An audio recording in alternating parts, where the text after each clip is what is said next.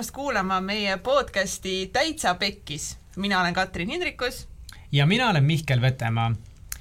oma podcastis me räägime elust ja asjadest, mis lähevad pekki.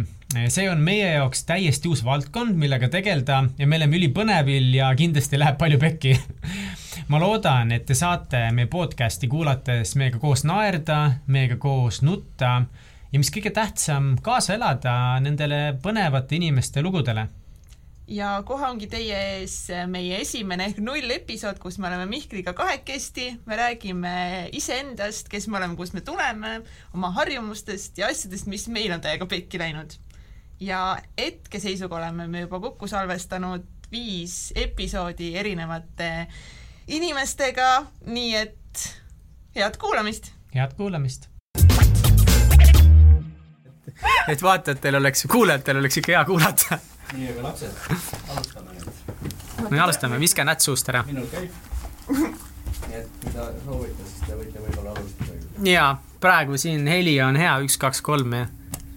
üldse okei on. oleme valmis alustama oma esimese podcast'iga. taskuhääling, selle jaoks kats meil. taskuhääling on eriti õige sõna ju selle jaoks kats värvis just huuled ära, lasi lõhna ka peale. oota. et kuulajatel oleks ikka mõnus, mõnus kuulata on nüüd hea olla? ja mul on väga hea olla. Davai, no nii, oota, kuidas me siis alustame? Nonii, ma hakkan pihta siis. Davai. tere, kallid kuulajad. on siis esimene null. null episood saatest Täitsa Pekkis mina ka minu poolt mis segad vahele? mina olen Mihkel see ei käigi niimoodi, et ma segan vahele või ma olen jälle asjadest väga valesti aru saanud. tere, Mihkel! tere, kuidas sinu nimi on mina olen Katrin. tere, Katrin! jah. Katrin, ehm, millest me podcast'is rääkima hakkab? nagu nimest juba võiks aimata täitsa pekkis, et asjad võivad siin pekki hakata minema ma olin pastaka vastu radikat et me räägime elust, enesest, sündmustest, mis lähevad pekki. asjad ebaõnnestuvad, kõik läheb untsu, kõik läheb täiega vussi. ikka läheb elus vussi. ja vahepeal mulle tundub, et mul läheb kõige rohkem vussi. sul läheb kõik vussi, ei isegi öelda, et kõik, mis sa ette võtad, kõik läheb sul pekki. ja täitsa pekkis. täitsa pekkis. jah, ega ma nagu suht tegelikult samal teel sinuga. see kivi nagu kä käbist kaugele ei kuku aga üks põhjus, miks me seda podcast'i tegema hakkasime, oligi võib-olla see, et ma olen eh, noor mees, kahekümne seitsme aastane ja päris palju erinevaid asju elus proovinud ja kõik on kuidagi pekki läinud ja ma tahtsingi aru saada või näha, et eh, kas teistel läheb ka pekki. Ja kuna ma olen ise suur podcast'ide sõber, siis mulle alati hästi meeldib kuulda, kui mõni edukas inimene räägib kõigest sellest, mis talle endale halvasti läinud, siis kuidagi on hea tunne. ja teistel läheb, teistel läheb ka pekki, et ei ole ainukesena üks, üks niisugune läbikukkuja. ja, ja. kõigepealt mul tuligi see nimi tuli kõigepealt täitsa pekkis, ma alguses mõtlesin, et tahaks eh, telesaadet teha sellest aga siis mõtlesin, et eh, telesaateid on ju nii palju, aga podcast'id on alles kasvav trend, et võiks nagu siis olla seal trendi alguses pigem mm. -hmm. ja tundus niisugune põnev, põnev väljakutse ja siis eh, ma ütlesingi Mihklile, et nüüd hakkame podcast'i tegema ja, ja kui kats mul juba midagi ütleb, siis äh, mul pole midagi vastu panna tuleb teha. ja pood-, no natuke see võib-olla tundub küll, et jälle, jälle üks äh,, mis me kriuksume selle vabandust, ma, ma natuke nihelen, sest äh, ma olen natuke närvis, mis siis, et keegi ei vaata aga ikka. jaa, et neid podcast'e on nii palju juba ja väga häid podcast'e on Eestis. just viimane, mida me kuulasime, oli Hakkame tegutsema hakkame nüüd tegutsema siis, et jumala ja. hea podcast. Catchy eh, fraas Hakkame tegutsema, Mihkel kohe võttis selle endale, haakis eh, käsnana külge endale selle ja ütleski, et hakkame tegutsema mm. -hmm. nii et eh, see on tõesti hea podcast, mida, mida kuulata. oled sa veel mingeid Eesti häid podcast'e sattunud kuulama? no sina ise soovitasid mulle Tussisööjad kuulata. jaa, Tussisööjate podcast on nii hea. ja võib-olla natuke see nende esimesest algusest on meie see algus inspireeritud ka, et me lihtsalt hakkame rääkima, mis meil mõttes on ja kuidas see läinud, mitte et ma arvaks, et me kunagi suudaks nüüd sama heal lavalisel vestlustasemel ole nagu tussisööjad, nende töö on kuld. Kas sa, kas see, kas sa nagu praegu alahindad nagu meie võimeid või, või sa räägid, äkki sa räägiksid iseenda eest. mina arvan, et, me suudame olla, kui me tahame ka parimad nagu number üks, noh, ma arvan, et me hakkame ikka nagu tussisööjatele konkurentsi pakkuma, muidu ei oleks üldse kogu seda pidu siin mõtet praegu korraldada. jumala õige. noh, noh, tõenäoliselt meil läheb nagu täiega pekki vahepeal kõik asjad, aga, aga sellepärast me seda ju teemegi nagu, et et oleks meil endal tore, et oleks kuulajatel tore, et me saaksime edastada sõnumit, et äh, läheb pekki, aga. ja meie saade peale selle, et hakkab rääkima siis äh, sellest, mis meil pekki läinud on, siis peamine fookus ikkagi meil ongi kutsuda saatesse erinevaid huvitavaid inimesi kõikidest eluvaldkondadest ja kuulda, mis siis neil pekki läinud on, kuidas nad sellest üle tulnud on ja loomulikult kõige rohkem mulle meeldiks ikka kuulda, et selle pekkimineku lõpus on ikkagi üks sihuke ilus võidukas lõpp ka äkki. tõus. tõus. aga pärast tõusu võib alati jälle pekki minna. nagu tõenäoliselt tegelikult lähebki, nagu läheb, tegelikult lähebki, olgem ausad, läheb täiega pekki ja ja tahakski inimestele rohkem tuua neid, neid lugusid, sest tegelikult ei ole ju glamuurne rääkida, sest me elame praegu maailmas Instagrami, Facebooki maailmas, kus kõik on lihtsalt täiuslik. jaa, see ajab vahepeal nii närvi. noh, ja siis sa ainult scroll'id kogu aeg üles-alla, üles-alla ja vaatad täitsa pekkis, nagu inimestel on nii ideaalne elu nagu kuhu, kuhu ma e-, elan kuhu, kuhu mina oma eluga jõudnud olen kolmekümne aastat, mitte kuskile, mul ei ole isegi niisugust Instagrami feed'i nagu, ei olegi, mul pole isegi nagu fake life'i, noh. ja, ja kallid kuulajad, siis siit tuli välja, Kats on kolmekümne aastane. jah aga räägi natukese endast, Kats. kust, äh, kust sina siis oled jõudnud nüüd lõpuks kolmekümnenda eluaasta juures siin podcast'ini, et mis, mis vahepeal toimunud on? mis vahepeal on toimunud? sündisin ühe korra Tallinnas, siis äh, elasin, õppisin Tallinnas kaheksateist aastat ühes samas koolis Tallinna Kuristiku gümnaasiumis. väga tubli tüdruk olin ja siis, äh, siis läksin Tartusse ülikooli õppima, kus asjad hakkasid jumala pekki minema ma olen oma elu jooksul kolm korda vahetanud äh, eriala siis ülikoolides erinevates. Mm -hmm.. noh, kolm korda, mitte ühtegi korda ei ole lõpetanud.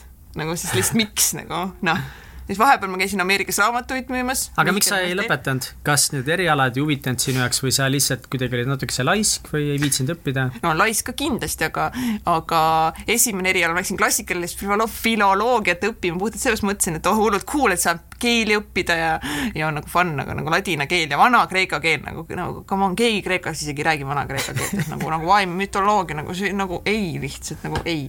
ja siis siis ma läksin tegelikult Ameerikasse raamatuid müüma, kui ma olin ju äh, alles ülikooli läinud ja siis tegelikult Ameerikas, kus ka asjad tegelikult läksid mega pekki, Mihkel on ka käinud raamatuid müümas, me võime sellest veel eraldi rääkida, kuidas seal asjad nagu, nagu täiega pekki lähevad äh, ja tulin tagasi ja ma sain aru, et, et tegelikult elul on, tegelikult on nagu rohkem pakkuda kui lihtsalt, et see kõrghariduse paber kätte saada mm. -hmm.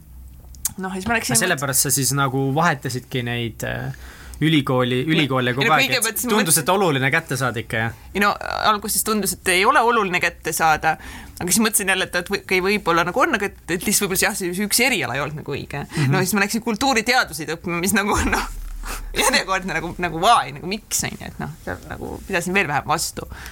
ja siis läksin Mainorisse õppima, mis oli tegelikult täiega tore. aga lihtsalt ei ole. mis sa seal õppisid? ettevõtlust ettevõtlust ettevõtlust hakata ettevõtjaks, noh ja jess, pärast kümmet aastat juhuu nagu võib kvalifitseeruda, et olen alustanud ettevõtlusega, sest siin me ka ju täna tegelikult oleme. ja, ja peale selle, et Kats on nüüd alustanud podcast'i, siis eh, Katsil on koos oma elukaaslasega väga lahe produktsiooniettevõte, on see õige nimetus või? nojah, see on väga United suur... Dream Studios. Uh, jaa, nii põnev, see kõlab, kõlab nagu jälle taaskord nagu hullult glamuurselt, nagu oleks juba hull suur filmi, filmiettevõte ja oleks juba hull produktsioon, sada töötajat ja tegelikult ei ole kedagi. tegelikult ei ole kedagi, kõik asjad, mis teete, on tasuta põhimõtteliselt on jumala karm on ikka ettevõtlusega alustada, lihtsalt sul pole inimestele mitte midagi näidata ja siis, siis nad juba põhimõtteliselt eeldavadki, et sa teed neile nagu tasuta või siis nagu väga soodsa hinnaga nagu noh, kes sa oled nagu, sa küsid niisugust raha, sa ei ole mitte keegi noh. ja üli, üliraske on alustada, et mul endal on ka just selja taga üks nässu läinud ettevõtmine, nii et no jaa, aga Mihkel samamoodi tegelikult sa ka ei ole ju ülikooli päris ära lõpetanud. ja, ja et kui tulla, mina ise olen siis Tartu poiss ja mina tulingi Tallinnasse ülikooli ma hakkasin reklaamimagoloogiat õppima ja minul jäi küll õppimine puhtalt laiskuse taha, et kuidagi, aga ma olin äh, igasugustes üliõpilasorganisatsioonides no, sa olid, gümnaasiumis ka juba, sa olid ikka megaaktivist. ma olen megaaktivist olin ja, aga ma kunagi õppida ei viitsinud, mina sain aru, et lihtsalt see aktivism aitab mul õpetajatele hästi silma jääda, et nad ei ole siis nii pahased, kui ma jätan koolitööd tegemata ja see toimis. ja lis lisaks nagu sellele, et sul lihtsalt sellest ilusast näolapist lihtsalt ei piisa vahepeal, onju. no te praegu ei näe, aga tegelikult noh, Piiker on nagu no keskmiselt ikkagist nagu ilusam meesterahvas. peate meid jälgima Instagramis ja siis Facebookis, siis eh, saate näha. nii kaval viis, kus need follower nimi ta. ja, ja vaadake, kui ilus ja, vestluskaaslane ja on kats on ka beib. nagu no temaga võrreldes ikka, ikka ei anna nagu sellepärast ma põhimõtteliselt valisingi su, et noh, et nagu millegi pealt peab saama inimesi. podcast'i valisid mu näo järgi või? kas selle, kas see üritus on juba pekki läinud juba eos lihtsalt, ma juba valin vale partneri välimuse järgi. andke andeks mulle nagu, okei okay,, siis sa tulid, olid Tartust, tulid Tallinnasse. ja õppisin ülikoolis, minule lihtsalt reklaam selles mõttes väga ei meeldinud ka, et. äh, kas see oli jälle, kas sa läksid õppima seda prestiiži pärast? see tundus nagu seksikas. ei, ei, jaa, ja ma võtsin selle vastu, aga tegelikult see oli niimoodi, et et ma mäletan ülihästi seda päeva, oli suvi, ma olin Tartus ja oli vaja välja valida eriala, kuhu ma siis lähen. Ja mul ei olnud kuskile minna ja mu ema lihtsalt hõikas mingi hetk ülevalt korruselt, kuule Mihkel, et kas sa seda reklaami oled vaadanud Tallinnas. ma ei olnud kuulnud sellest mitte midagi ja siis ma olin mingi, et aa, ei ole ja läksin katsetele ja siis õnnestus sisse saada ma käisin veel Viljandis kultuurikolledžis ka katsetel. sinna ma vist sain sisse, aga ma ei tahtnud minna sinna, sest ma arvasin, et see eriala on midagi muud, mis ta tegelikult on. Aga mul jäi ülikool jah, peale laiskuse lihtsalt ma nägin, et ma reklaamiagentuuris töötada ei taha ja kuidagi tol hetkel ma tundsin, et see on justkui mingisugune väike õigustus, et jättes õping poolest, ma ju ei taha reklaamiagentuuris töötada, mitte et sellepärast peaks nüüd eriala ära lõpetama või kõrghariduse saama. aga nii ta mul jäi aga no ausad, see ei ole elus sind kuidagi ju takistanud või on, on, on takistanud sind see kõrghariduse mitteomamine? Ei ole vist, jõuluõhtusöökidel ainult mu vanemad teevad on nalja palju, ma olen perekonna must lammas. ja, ja, ja, ja siis eriti sinu perekond, kes on mingi muster, kõik on hullud akadeemikud ja ülisugused haritud inimesed ja siis on väike Mihkel nagu, kes on igalt poolt välja kukkunud, igalt välja visatud ja kõik on pekki läinud, et no, see on, aga keegi, see on jälle keegi peab olema nagu muidu oleks see standard oleks liiga kõrge lihtsalt perel. ei, muidugi täpselt, keegi, keegi peab ikkagi olema ka ilma kõrghariduseta. aga nüüd noh, tänapäeval ma saangi aru, et, et kõrgharidus loomulikult on selles mõttes väga hea, et see on natukese nagu elu et sa pead mingisugustele normidele alluma, sul on mingid ülesanded, mõned sulle meeldivad, mõned sulle ei meeldi ja kogu selle aja jooksul sa õpid ja su aju areneb.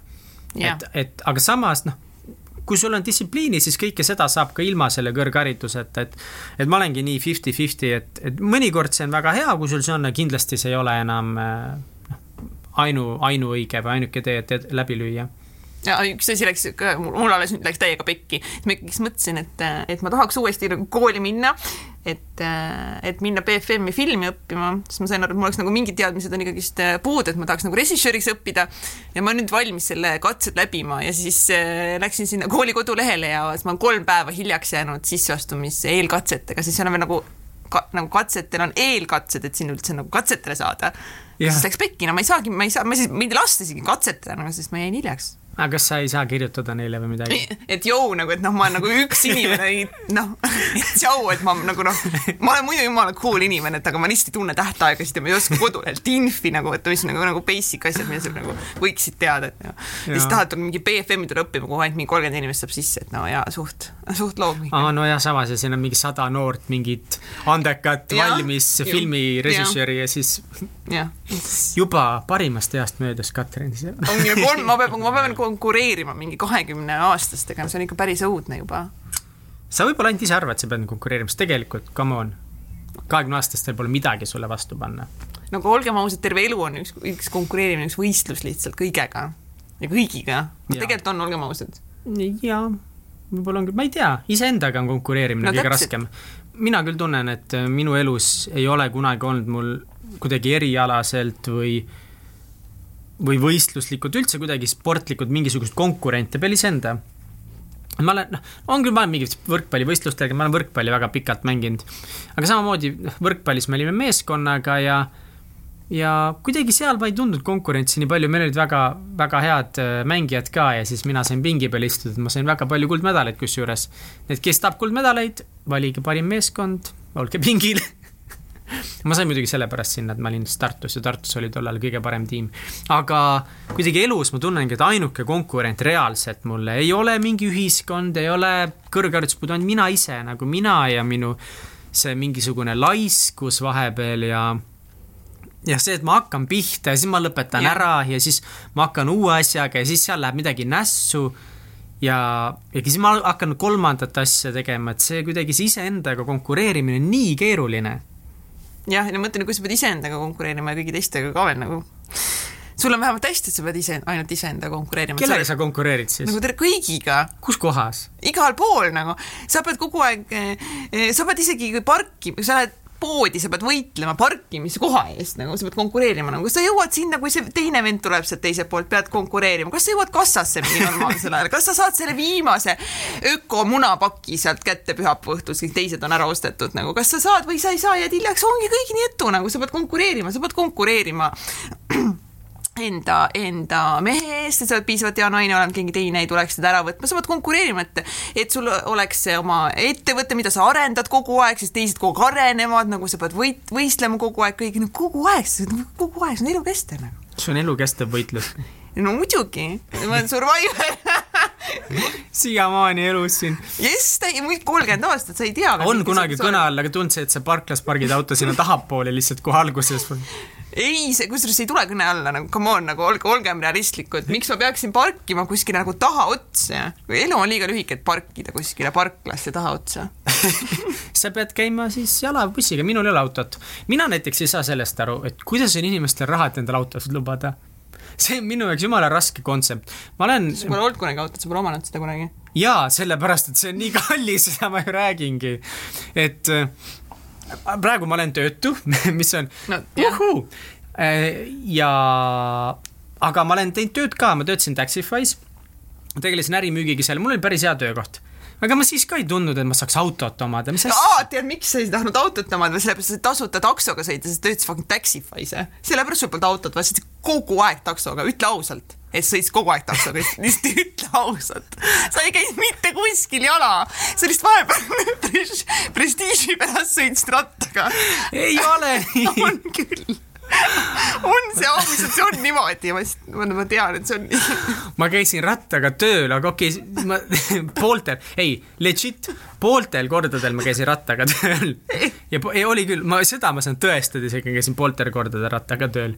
ma, ma umbes ühe korra nägin, et sa tulid mulle Solarisse külla jalgrattaga. no jaa, päeva ajal, päeva ajal, päeva, päeva ajal ma sõitsin jaa taksoga ringi et jaa, elu on jumala raske vahepeal ja endale üles ehitada mingisugune süsteem, kodu ja auto ja kõik, et peab väga palju läbi elama mingisuguseid pekkiminekuid. ent jällegi, see on üks koht, mida mina loodan, et see podcast aitab mul parandada. et ma kuulen kõikide nende inimeste lugusid, siis kuidas nad said nendest raskustest üle ja, ja millised need raskused olid.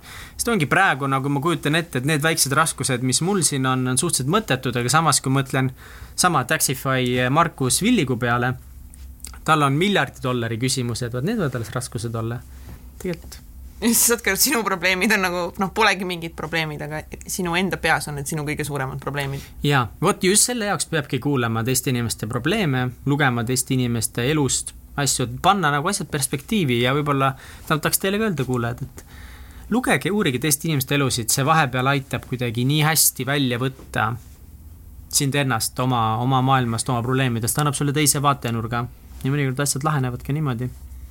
jah Mihkel, mis sa, mis elulugu sa oled siin viimati lugenud, mis sind inspireeris uh,? oiss, mis hääl see oli huuled tegid imelik häält. sa erutasid selle küsimuse peale nii, lihtsalt nii palju, sest sa nagu nüüd tead, sa saad hästi palju nagu rääkida oma viimasest raamatu avastusest. jaa eh,, kõige lahedam viimane raamat, mis ma lugenud olen, oli eh, Phil Knighti raamat, kes siis, mees, kes tegi Nike'i, Nike'i brändi ja tema elu oli ka üks konstantne hustle. et eriti palju üldse ei teada kes on see mees selle Nike'i brändi ja. taga ja see härrasmees on nimega Phil Knight. ta ei ole väga sihuke avaliku elu tegelane, no loomulikult Ameerika, noh loomulikult ta on väga kuulus, kuna ta on mingi neljakümnendal või kahekümnendal kohal maailma rikkuristest, väga kõrge. aga samas ikkagi ta ei ole nii avalik ja tema elu oli hästi raske just Nike'i mõttes, et see Nike käima panna ja ma mäletan seda, et ta kümme aastat ehitas oma Nike'i brändi ja nende käive oli seal kümne aastaga oli vist küll juba miljonites, kui ta ise veel ikka ei Jaa. saanud endale palka maksta ja ta töötas, ma võin nüüd eksida, ma ei mäleta nii hästi, aga ta võib-olla peaaegu terve kogu selle kümne aasta, esimese kümne aasta käis ka ise tööl ja Kõrvalt. tegi palgatööd jah. mm. -hmm. ta vist vahepeal tuli palgatöölt ära mis läks tagasi, Ja siis on läks tagasi, jah. oluline. Täitsa, täitsa Egole pekkis. jumala suur pauk, täitsa pekkis. jõhker, aga ta, ikka struggle'is nii nagu ütleme nagu kümme aastat, kümme pluss aastat ja meie siin mõtleme, et nagu kui me nagu kolme kuuga edukaks ei saa, siis nagu päris nagu kõik, see ei tööta, asi ei toimi. vend lihtsalt kümme aastat jookseb mingi Jaapani ja USA ja ma ei tea, mis asjade vahet ja täis, täis eh, struggle on vennal lihtsalt, aga ta ei anna alla sellepärast, et ta armastab lihtsalt jalanõusid ja jooksmist. ja, ja seda visiooni iseendast ja sellest ettevõttest. Ja kõigil soovitan lugeda, sest see on hästi sujuvalt kirjutatud raamat ka, hästi niisugune hea ja lihtne lugemine oli see, aga samas ää- äärmiselt põnev. ja siis äh, ma just äh, lõpetasin Arnold Schwarzeneggeri raamatu. no uskumatu Ku- kui paljudel inimestel on mingisugune arusaam, missugune inimene Arnold Schwarzenegger. ülipaljudel, et ta on lihtsalt niisugune natukese mingi tölbakas Ameerika action näitleja jah, jah. No vot, mina ei teadnud tema kohta nii palju, aga tuleb välja, et ta on täiesti geniaalne, uskumatult tark ja ilmselt kõikidest raamatustest, mis ma lugenud olen, on tema kõige töökam ja kõige, mis see eesti keeles on, driven? nagu kõige sihuke, sihi, sihikindlam, nagu edule orienteeritud. kuidagi jah, kõige edule orienteeritud inimene, et kui kellelgi on võimalus Arnold Schwarzeneggeri raamatut lugeda, siis see on ebareaalne. kujutage ette lugu ühest Austria väikse küla poisist, kuskilt täiesti metsast pärast teist maailmasõda on räige näljahäda ja temast saab Austria parim kulturist, siis temast saab Euroopa parim kulturist, maailma parim kulturist. ta kolib Ameerikasse ja kui ta on täielikult domineerinud ku- kulturismi valdkonna, siis ta mõtleb, et äh, kuule, aga hakkaks hoopiski Hollywoodi näitlejaks ja mitte niisama, vaid tema eesmärk oli saada number üks Hollywoodi näitlejaks top kümnesse. ja tal tal oli loomulikult ikka kogu aeg eesmärk, et ta tahab olla number üks. jaa jah, kõiges number üks. ja loomulikult sulle öeldakse ju ei, sest tollel ajal ei olnud nii suured musklid moes, tema tohutult vigane aktsent ja loomulikult ei osanud näideldagi. aga ta õppis, hakkas õppima näitlemist, õppima aktsenti, keelt, kõike ja ta lõpuks saigi. lõpuks saigi ja tema panigi alguse sellele action žanrile. Kõigepealt oli tema ja siis tulid alles see Chuck Norris ja kõik teised. Ja kõige lõpetuseks, et äh, selle jutu lõpetuseks. Schwarzeneggeri lõpetuseks, siis ta otsustas veel, et ta läheb poliitikasse ka. Jah. ja mitte niisama poliitikuks, vaid kõige suurema, California vist on kõige suurem osariik, selle äh, mis Kuberneriks. kuberneriks ja, ja ta oli ka seal väga edukas, et äh, täiesti ta ebareaalne lugu. domineeris oma elu lihtsalt täiega nagu otsustas, et temast saab number üks, nagu see, nagu me, mina ütlesin, et meist saab number üks see, see, see podcast siin väikses Eesti Vabariigis, siis temal oli sama, sama siht, et see siht peab ikka olema see, et sa oled number üks. et meist saab nagu parim produktsioonifirma ja eesmärk on ikkagist olla number üks, aga üli nagu keeruline, sa oled nagu kuskilt mingi Kapa-Kohilast pärit ja siis otsustad, et nagu nüüd on kõik ja mina olen Jaa. parim nagu. Mm. -hmm. no ongi, kõigepealt sa pead otsustama, et sa oled parim, aga siis sa pead igapäevaselt tegutsema, et kõik need Eesti ettevõtjad ja sportlased, kellel on see graafik paigas ja see, et ükskõik kui halb sul olla on, kui väsinud sa oled pärast oma tavatööd, et sa lähed ja sa teed seda, mis sul on vaja teha, et jõuda sinna. päris hull, ma, mitu korda me oleme sinuga alustanud niisugust äh, challenge'it nagu Miracle Morning, et me ärkame kell kuus ja siis on mingi checklist, mida sa pead tegema, mingi mediteerima, lugema mm, -hmm. kirjutama, olema tänulik. Ma ei tea, mina olen alustanud seda vist vähemalt mingi kolm korda või? no Jaa. vähemalt kolm korda, neli korda, võib-olla isegi rohkem. et eh, kui on inimesi, kes, kellel on väga raske hommikuti üles ärgata ja te tahate parandada hommikul ülesärkamist siis selle jaoks on tegelikult väga hästi kirjutatud raamat, mis on väga kuulus raamat, eh, The Miracle Morning. Eesti keeles ongi selle nimi, see on vist eesti Imede hommik või? imede hommik või midagi Jah. sellist. see nimi võib olla natukese eksitav, aga tegelikult see räägib väga tugevastest, tugevastest, tugevatest Eesti keel on võib-olla vajalik podcast'i jaoks, ma ei tea võib-olla, ma ei tea. väga tugevatest äh, psühholoogilistest süsteemidest, mida sa yeah. järgid. ja noh, kõigepealt see algas ju sellest, et sa õhtul iseendale müüd maha sisendad selle, selle mõtte ja et jah, ma ärkan kell kuus üles, ma ei ole üldse väsinud, mis siis, et neli tundi saab magada, mis siis, jumal suva, ma ärkan üles, ma domineerin kohe hommikust saati. Jaa. vot, päriselt. aga tegelikult see toimis see toimis, sest äh, see on üks asi, mida ma päris palju teen. et ma homm-, et ma õhtul ütlen endale, et hommik saab olema päris noh, hea ja okei ja ma ärkan ülesse. Need hommikud on alati kuidagi natukese kergemad. siis oli, eks ole, kohe ärkamine, oli vist duši alla, oli kin-. ei, juba, läheb, juba läheb pekki. kõigepealt sa ärkad üles, lähed pesed hambad ära nii, ja hambad. siis sa jood vett ja kohe ja sa lähed, siis lähed trenni ja siis tegema. lähed trenni tegema ja jooksma ja Siis tuled tagasi. Ja ja oli siis- lugemine, mediteerimine, mis järjekorras need olid? ei, see oli suva juba aga mediteer oli, mediteerimine oli sees küll. ja mediteerimine oli sees. ja lugemine oli sees ja siis ja visualiseerimine. Täpselt ja viimane asi vist oli kritseldamine või nii-öelda päeviku pidamine Jah, mhm. et sa kirjutad oma mõtted, eesmärgid ülesse. ja me tegime tugeva plaani ju selle jaoks. ja. panime kõik asjad järjekorda, mis me teeme või me sti- stikkisime ka selle, sellega ja mingi päris okei aja ikka lõpuks. no ei tea üks, üks asi, et mis on oluline, et seda edukalt läbi viia, on vaja endale nii-öelda seda accountability body't ehk siis kes on nõus sinuga sama väljakutse vastu võtma mm. -hmm. keda te üksteist motiveerite ja, Jah. meil toimus see niimoodi, et me siis hommikul helistasime kordamööda üksteisele jah, viis viiskümmend üheksa või midagi jah, jah. tal helistada ja teine ülesse või, või kontrollida, et teine on üleval davai, davai, jooksma, jah, super luks. ja siis oli vaja helistada vist, kui tegevused olid tehtud või kuidagi teada anda, alguses vist oli see. võimalik. ja mäletan, kui me esimene kord tegime seda, siis vist kolmandal hommikul ei telefoni helisenud kummalgi enam. esimesel korral võis võis vabalt nii olla. esimene kord kestis kolm kuni neli, kolm kuni neli päeva. jah, ja lihtsalt nagu mina hommikul ei hakanud sulle helistama, sest ma ei viit-, ma kuidagi ei Jah, tahtnud noh, jah. ja ma Magada kuulen, et see telefon ei helise vastu ka. iga minut, mis mööda Jah. läheb, ma tean, et kats ei ärka üles lihtsalt. jah, aga me proovisime siis ju mingi nädala aja pärast uuesti. ja siis me tegime küll, terve ühe nädala tegime ära, võib-olla isegi natukese peale. Ja siis juhtus samamoodi, et ühel hommikul lihtsalt see telefon ei helisenud enam. meil oli veel mingi teema ju, et mingi kümme euri pidi maksma, kui ei helista või midagi. mingi trahv ju tuleb välja, mingi karistus peab olema ju. no selle me lasime ikka väga kiirelt üle. seda küll ja, ja ka ükskord ma mäletan nagu ei, reaalselt ma ikka pida-, kas sina ei pidanud, mina pidasin kindlasti kuu aega lõpuks vastu. Ja kolmas kord oli minul küll kõige pikem jaa, aga ma kuut ei tundnud, mul tuli vist kakskümmend päeva ja siis ongi, kui meil pärast nädalast pekki läks, on ju, see oli jälle mingi nädal, minu meelest oli paus ja siis me katsetasime uuesti. minu meelest oli see mitu kuud vahepeal vahet. aa, oli jaa, sina tegid veel hi- hiljem uuesti, mina tegin umbes nädala aja pärast oma kõige pikema seansi ära, mis oli vist mingi kakskümmend päeva, mis ma pidasin vastu ja siis sina tegid kunagi mingi kuu ajase umbes või nii jah. jah, aga mis sellest sai, miks sa enam ei tee? No vot täpselt, no miks ma ei tee, siis nii raske on. jaa, ma ka ei tee.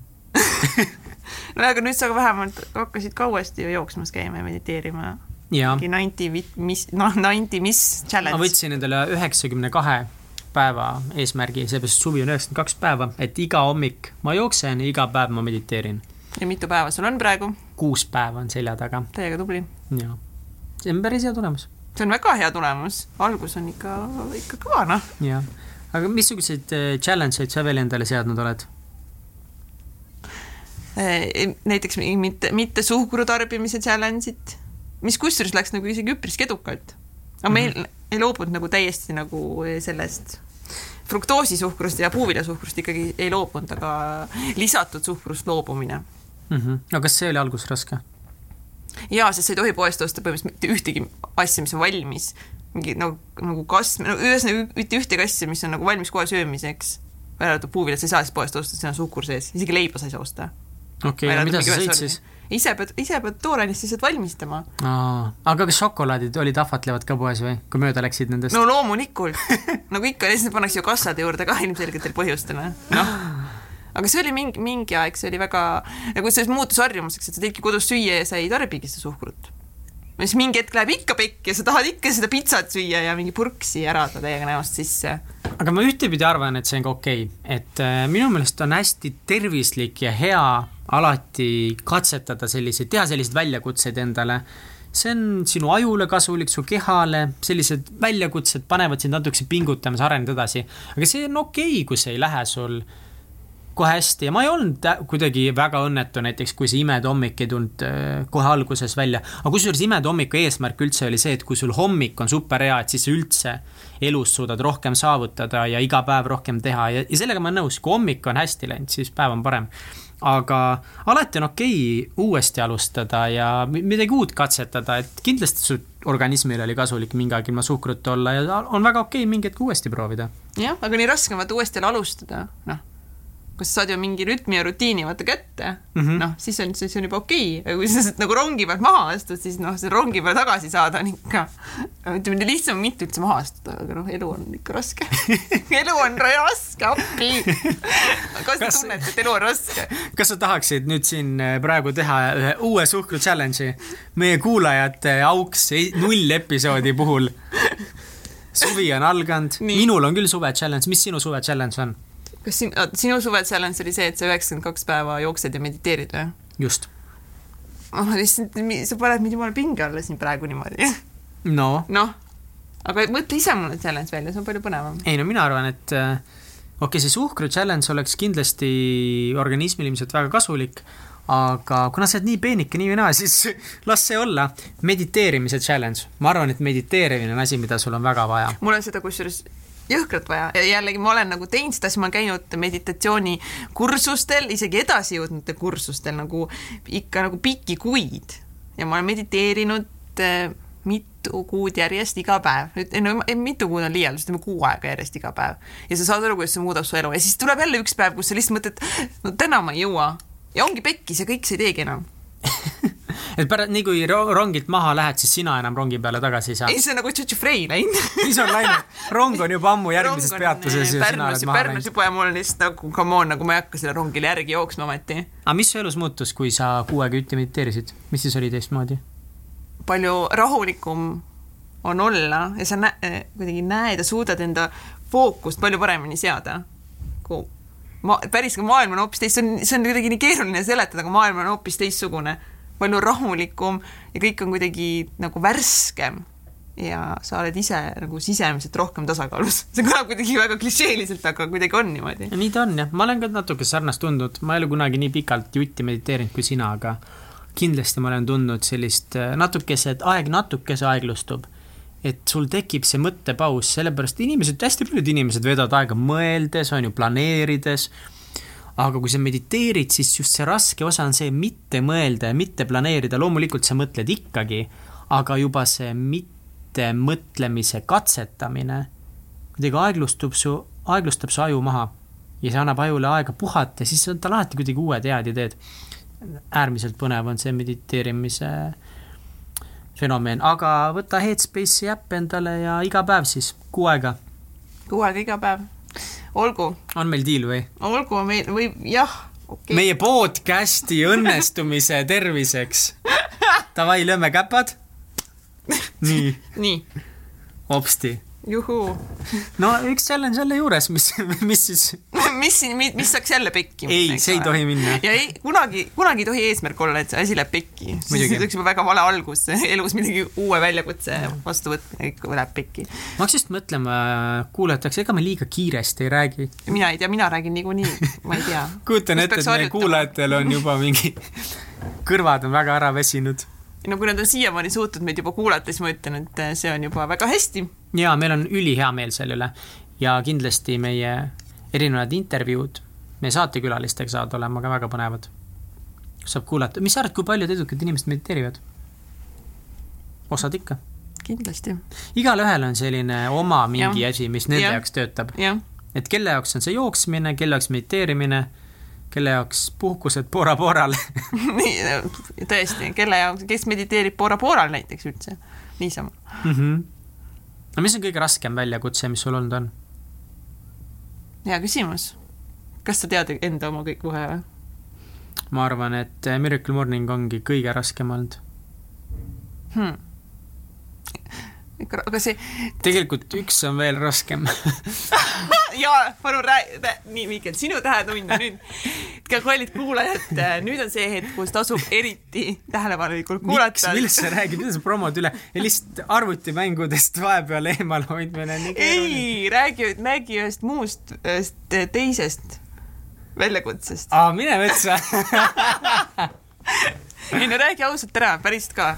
okei okay,, ühesõnaga noortele meestele vahepeal on väga kasulik ka mitte masturbeerida ja pornograafiat vaadata. Jah, see oli ka tõesti, see oli ka väga raske. aga, aga see ei olnud sellepärast nii raske, et seks on lubatud siis.